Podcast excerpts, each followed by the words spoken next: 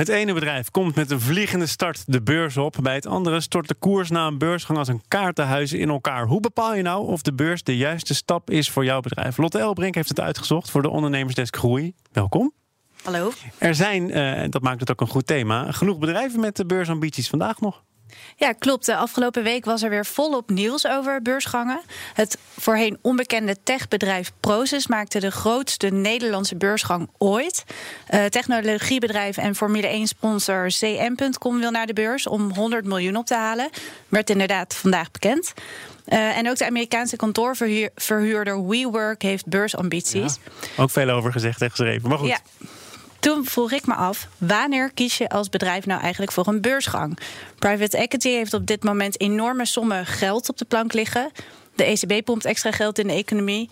Dus voor het ophalen van financiering heb je de beurs niet per se nodig. Ik sprak erover met beursanalist Corné van Zel van Axiom. Ja, je kiest voor een, een beursgang als je, als je de spotlights opzoekt. Als je kapitaal wil ophalen, dan kan dat via private equity. Maar je kan het ook op de beurs ophalen. En op het moment dat je het op de beurs doet, ja, dan sta je gelijk in de schijnwerpers. En heeft, heeft iedereen het over je.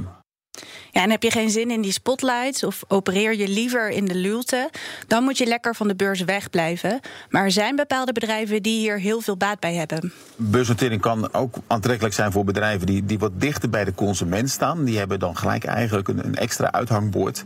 Want ja, die bedrijven staan nou eenmaal meer in de schijnwerpers en krijgen daardoor veel meer aandacht dan niet beursgenoteerde bedrijven. Dus met name bij producten die dicht bij de consument staan, telt dat uh, toch wel aan.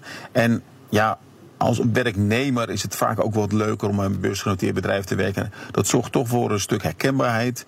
En veel ondernemers vinden dat prettig dat, ze, dat hun werknemers zich daarmee kunnen identificeren. Stel, de tijd is dus rijp voor een beursgang. Waar moet je dan op letten? Ja, voornamelijk of je echt zin hebt in al die aandacht. En besef van tevoren heel goed wat het met jou, met het bedrijf, de klanten, het personeel doet. Beursgenoteerde bedrijven krijgen nou eenmaal meer commentaar. Uh, aandeelhouders kijken bijvoorbeeld of de verdeling man-vrouw wel goed is, of de salarissen niet te hoog zijn. En als het niet beursgenoteerd bedrijf heb je daar een stuk minder last van. Uh, daarnaast moet je natuurlijk voldoende eigen vermogen hebben, een prospectus opstellen om beleggers te informeren. En dan zijn er nog een aantal eisen waar een bedrijf aan moet voldoen. Moet natuurlijk veel meer letten op uh, regelgeving. Je moet je aandelentransacties van het management moeten bijvoorbeeld heel goed gemeld worden bij de AFM. en als je dat niet doet, ja, dan kan je simpelweg een, flinke straf krijgen. Um, en je moet natuurlijk ook kosten betalen, en noteringskosten bij Euronext.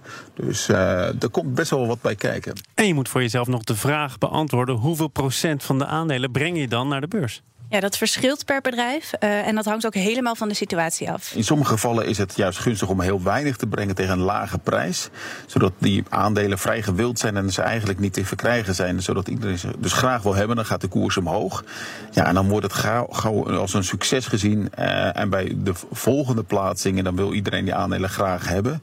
Um, maar soms is het ook wel van uh, juist strategisch van belang dat je zoveel mogelijk aandelen plaatst om zoveel mogelijk kapitaal op te hangen. Dat hangt helemaal van de situatie af. Ja, en je wil natuurlijk dat zoveel mogelijk mensen jouw aandelen gaan kopen. Daarom is de timing ook van groot belang. Het beste moment om naar de beurs te gaan is dan ook als de stemming op de beurs goed is en mensen in het algemeen graag aandelen willen kopen. Dus dat de beurzen lekker omhoog gegaan zijn en dat de waarderingen omhoog gegaan zijn, dan krijg je het meeste voor je aandelen. Um, en wil iedereen ze graag hebben, dus is er een, een, goede vraag naar je aandelen. En dan krijg je de maximale opbrengst. Dat betekent gelijk als je die aandelen wil kopen als belegger, dat dat juist de slechtste tijd is. Maar het moeten wel jouw aandelen, aandelen zijn, de aandelen van jouw bedrijf. Hoe zorg je ervoor dat dat gaat gebeuren? Nou ja, beleggers letten er bijvoorbeeld op of de corporate governance goed is, of ze wel wat te zeggen hebben in het bedrijf, of de groeiperspectieven goed zijn en of het makkelijk is voor concurrentie om de markt binnen te komen. Je kan een supermooi concept hebben, maar is het makkelijk te kopiëren, dan ben je je businessmodel ook zo weer kwijt. Corné legt uit hoe je een beurslieveling wordt. Een beurslieveling word je uh, ja, op korte termijn als koersen omhoog gaan. Uh, op lange termijn word je dat als je echt wel een aantrekkelijk product hebt, een open communicatie naar naar, beleggers toe. En natuurlijk dat je een succesvol ondernemer bent. Um, we hebben dat bijvoorbeeld bij Basic Fit en bij, bij Takeaway gezien. Daar was de beursgang in, in beide gevallen. Initieel uh, werd daar erg sceptisch naar gekeken. Maar ze hebben gedaan wat ze hebben beloofd. De winstgroei is er erg geweest.